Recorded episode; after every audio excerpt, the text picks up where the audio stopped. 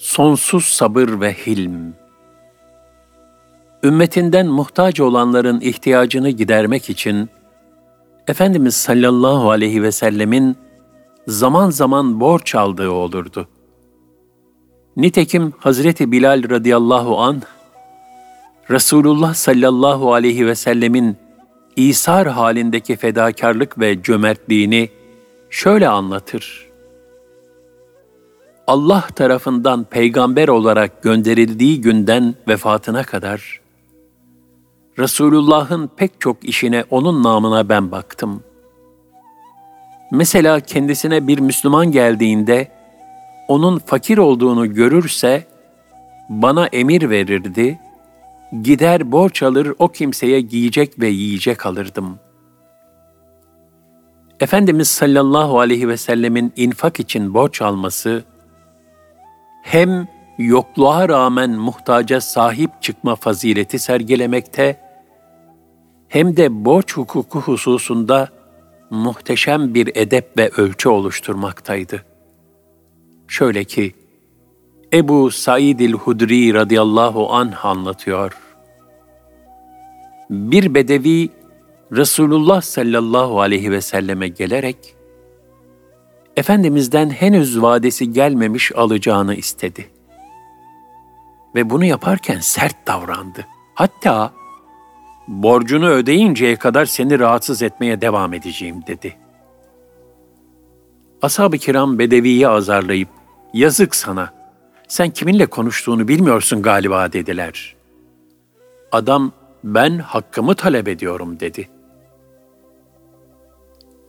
Resul-i Ekrem sallallahu aleyhi ve sellem ashabına, sizler niçin hak sahibinden yana değilsiniz buyurdu. Ve Havle binti Kays radıyallahu anhaya adam göndererek, sende kuru hurma varsa benim borcumu ödeyiver. Hurmamız gelince borcumuzu sana öderiz dedi. Havle, hay hay, babam sana kurban olsun ey Allah'ın Resulü dedi. Resulullah sallallahu aleyhi ve sellem, bedeviye olan borcunu kapadı ve ayrıca ona yemek ikram etti. Bu tavırdan memnun kalan bedevi, borcunu güzelce ödedin, Allah da sana mükafatını tam versin diye memnuniyetini ifade etti. Bunun üzerine sallallahu aleyhi ve sellem Efendimiz, işte bunlar borcunu hakkıyla ödeyenler, insanların hayırlılarıdır. İçindeki zayıfların incitilmeden haklarını alamadıkları bir cemiyet iflah olmaz buyurdular. İşte Efendimizin adaleti ve hilmine eşsiz bir misal. O sallallahu aleyhi ve sellem günahkarları, kaba saba insanları yaralı kuşlar gibi görüyordu. Onlardan asla incinmiyordu. Ümmetini ateşten uzaklaştırmak için cehaletten kurtarmak için şefkatle çırpınıyordu. Çünkü onun vicdanı mesuliyet duygusuyla dopdoluydu. Eşsiz mesuliyet şuuru. Fahri kainat sallallahu aleyhi ve sellem Efendimiz kendini bütün toplumdan mesul görürdü. Şu ifadeleri şefkat ve mesuliyet şuurlarının ne yüksek bir şahididir.'' ben her mümine kendi nefsinden daha ileriyim, daha yakınım. Bir kimse ölürken mal bırakırsa, o kendi yakınlarına aittir. Fakat borç veya yetimler bırakırsa, o borcu bana aittir, yetimlere bakmak da benim vazifemdir. Allah Resulü sallallahu aleyhi ve sellem, ümmetinin her ferdini birbirine zimmetleyerek şöyle buyururdu. Hepiniz çobansınız ve hepiniz sürünüzden mesulsünüz. İmam çobandır ve sürüsünden mesuldür. Erkek ailesinin çobanıdır ve sürüsünden mesuldür. Kadın kocasının evinde çobandır, o da sürüsünden mesuldür.'' hizmetçi efendisinin malından sorumludur ve sürüsünden mesuldür. Bir çoban şunlara dikkat eder.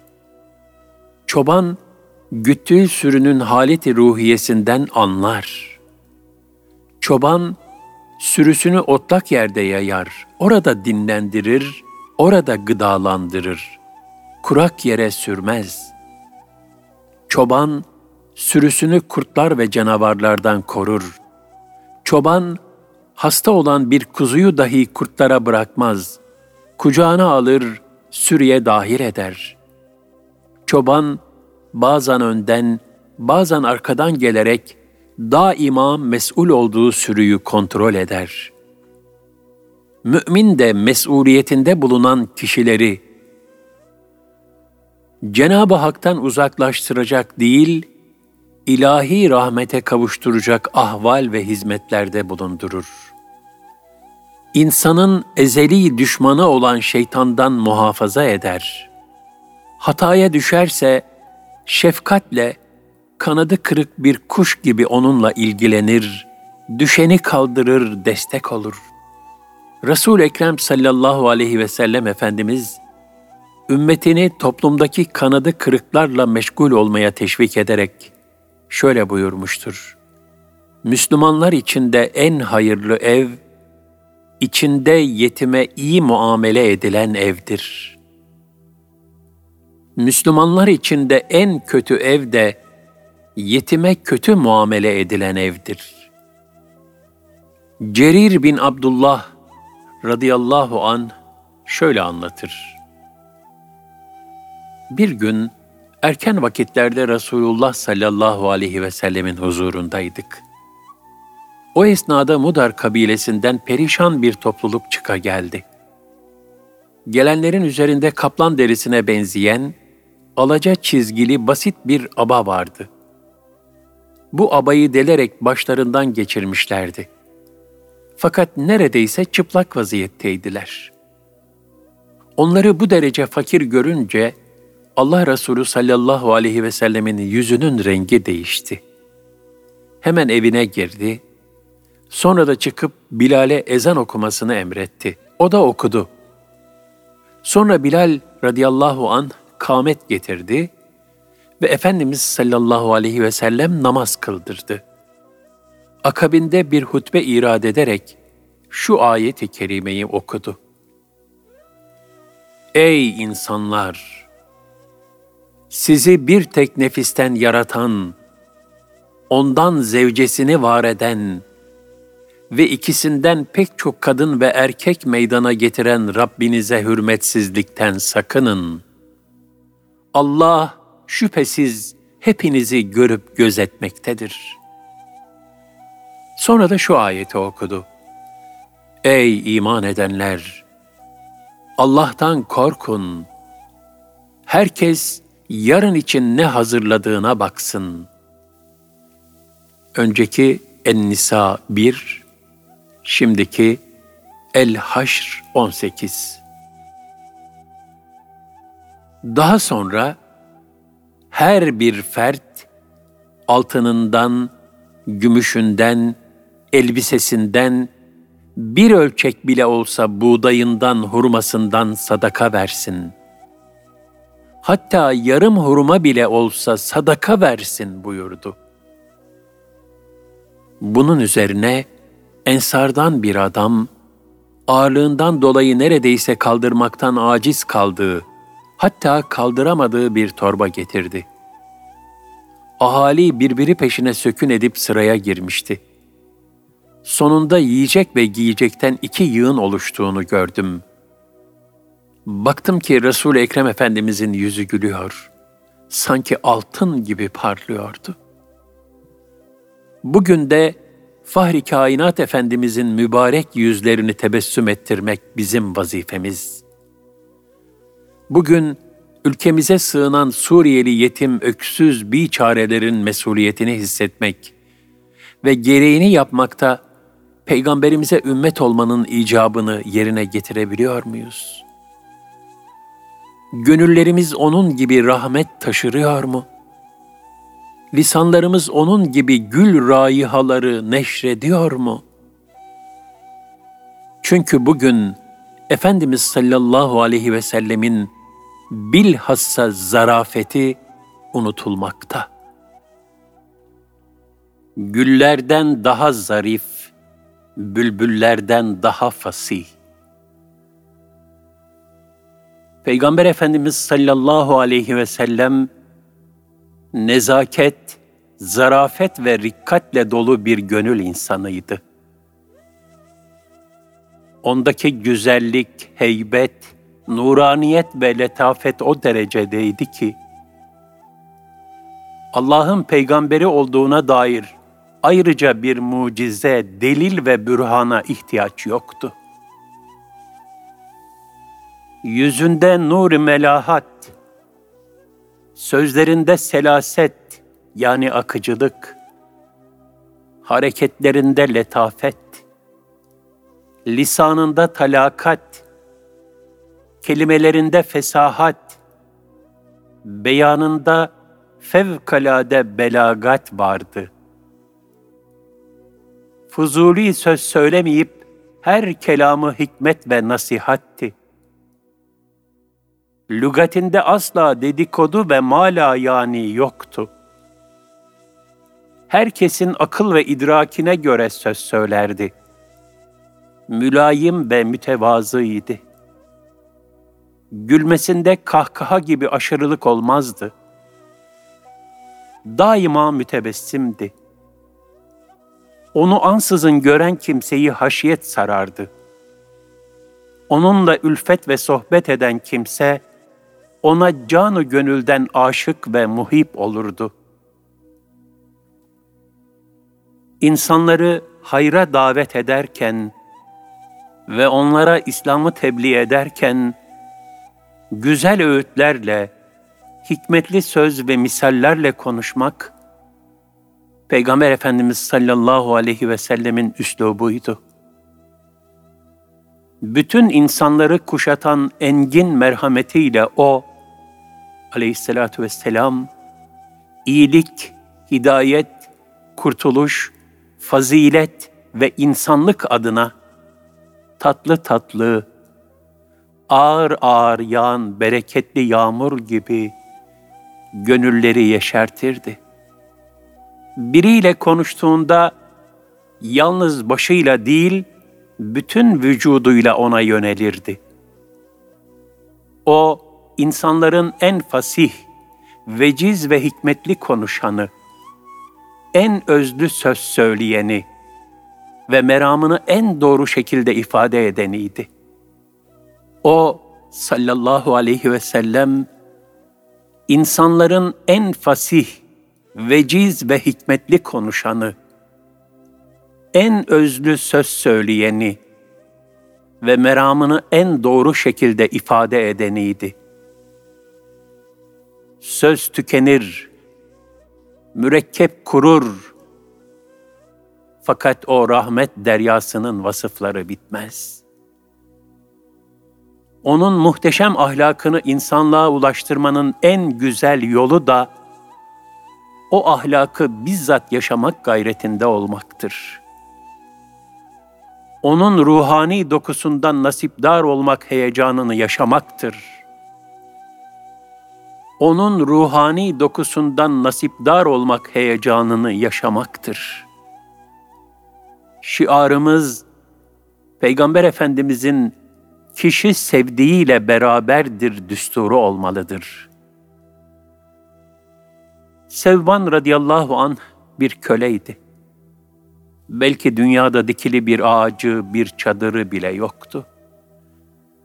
Efendimiz sallallahu aleyhi ve sellemin huzuruna gelir, sohbetini dinler, halden hale geçer, yine giderdi. Tekrar gelir, yine sohbetini dinler, halden hale geçerdi. Bir gün geldi, Efendimiz sallallahu aleyhi ve sellem onu çok mamum, mahzun, kederli gördü. Sevban nedir derdin buyurdu. Sevban radıyallahu an içli içli anlattı. Anam babam ve bu canım sana feda olsun ya Resulallah. Sohbetinde halden hale geçiyorum. Eve gidiyorum, hasret kalıyorum. Nurundan ayrı geçirdiğim her an bana ayrı bir hicran. Dünyada böyle olunca ahirette nice olur diye dertleniyorum. Orada siz peygamberlerle beraber olacaksınız. Benimse ne olacağım ve nerede bulunacağım belli değil.'' Üstelik cennete giremezsem sizi görmekten tamamen mahrum kalacağım. Bu hal beni yakıp kavuruyor ey Allah'ın Resulü. Efendimiz sallallahu aleyhi ve sellem bir müddet sükut etti. Ondan sonra Sevban, kişi sevdiğiyle beraberdir buyurdu bu düsturun muhtevasına ne kadar girebildiğimizi muhasebe etmeliyiz. Sevgimizi beraberliğimizle ölçmeli, beraberliklerimizi sevgimizle mukayese etmeliyiz. Sormalıyız, Allah Resulü sallallahu aleyhi ve sellemin gönül dünyasından ne kadar hisse alabildik? O varlık nurunun hayatından, ruhaniyetinden, şahsiyetinden bizlerde ne kadar nasip var? İbadetlerimizdeki ruhaniyet hangi gönül kıvamında?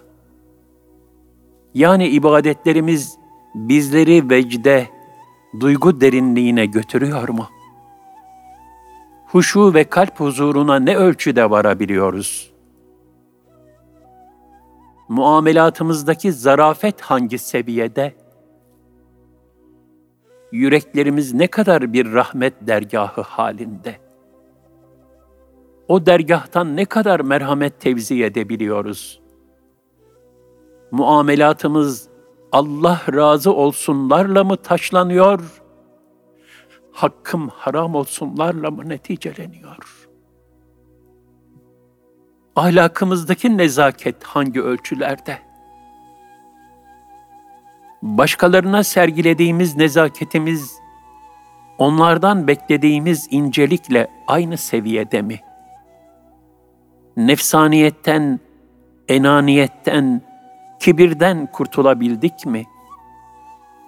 Tevazuumuz samimi mi? Gönüllerimizdeki letafet hangi derinlikte? Bütün mahlukatı ne kadar bağrımıza basabiliyoruz?''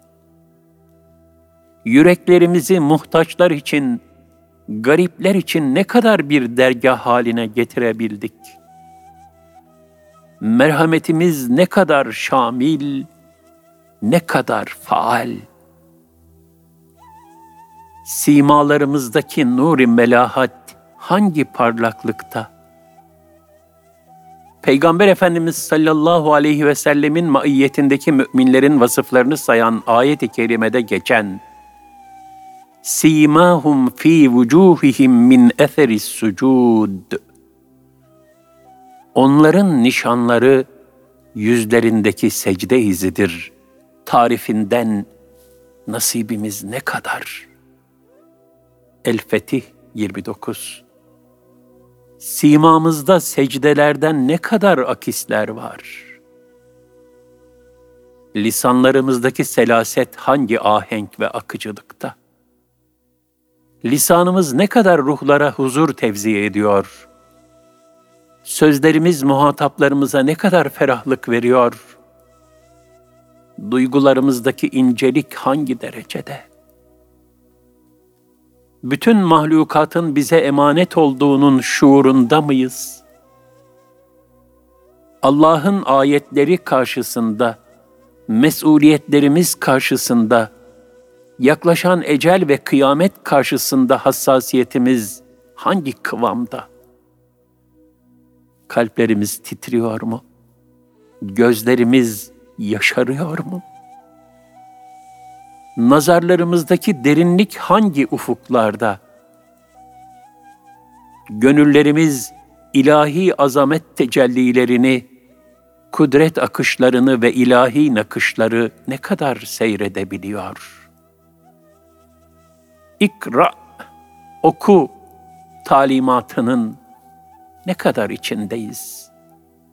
El-Alak 1 Tasavvufi hayatta terakki eden kalbin en büyük alametlerinden biri de tefekkürün zirveleşmesidir. Çünkü tasavvuf, Efendimiz sallallahu aleyhi ve sellemin haliyle hallenmektir. Ruhani dokusundan hisse almaktır. Bu da kalbi seviyenin mesafeler kat etmesine vesile olur. Kalben kat edilen mesafeler neticesinde tefekkür zirveleşir. O halde sormalı.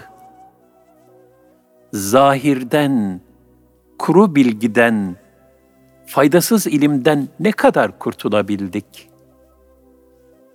Sır ve hikmetlere ne kadar muttali olabildik? Velhasıl, ey Resulüm, şüphesiz ki sen yüce bir ahlak üzeresin ayeti kerimesiyle medhü sena buyurulan Resulullah sallallahu aleyhi ve sellemin yüce ahlakından hangi ölçüde ve engin gönül deryasından hangi miktarda nasiplenebiliyoruz? O gönlünden alemlere rahmet taşıran nebiler serverinin bütün güzelliklerinden bizlerde ne kadar var? Bu ateşten sualleri, bu derin muhasebeleri müsbet neticelere bağlayabilen hüsn-i hatimeye ulaşabilen ümmeti Muhammed'e ne mutlu. İşte ashabın onunla beraberlik şuuru. İki kişi Hazreti Selman'a selam verip, sen Resulullah sallallahu aleyhi ve sellemin sahabisi misin diye sordular. O da, bilmiyorum cevabını verdi. Gelenler acaba yanlış birine mi geldik diye tereddüt ettiler.'' Selman radıyallahu an sözlerini şöyle tamamladı. Ben Resulullah sallallahu aleyhi ve sellemi gördüm. Onun meclisinde bulundum. Ancak Allah Resulü'nün asıl sahabisi onunla birlikte cennete girebilen kişidir. Onunla birlikte cennete girebilmekse imanda da ibadette de, ahlakta da ve muamelatta da onunla yaşayış birliği içinde olmaya bağlıdır. Bugün veladet kandili ve diğer mübarek kandilleri değerlendirmeyi böylesi bir beraberlik şuuruyla idrak ve ihya edebilirsek, ancak o zaman layıkıyla istifade etmiş oluruz. Yani ondan istifademiz onun ruhani dokusundan hisse almamızla ve bu hisseyi de takva kıvamında yaşamamızla mümkündür. Veladet kandilini ihya etmenin en güzel hali, her an bu veladet kandilinin heyecanını yaşamakla mümkündür. Bunu yaşatan da Allah Resulü sallallahu aleyhi ve selleme muhabbettir.'' Cenab-ı Hak Adem oğlunu mükerrem kıldı. Kul Resulullah sallallahu aleyhi ve sellem Efendimizin sırat-ı müstakim üzerindeki ibadet, ahlak ve muamelatı istikametinde merhaleler kat ederek mükerrem olacak ve böylece muhteşem olan cennete layık hale gelecek. Rabbimiz yaşayabilenlerden eylesin. Rabbimiz bizi Resulünün ahlakıyla ahlaklanabilen kullarından eylesin. Ahir zamanda onu özleyen ve onun görmeyi arzu ettiği kardeşlerinden olabilmeyi nasip ve müyesser eylesin. Amin.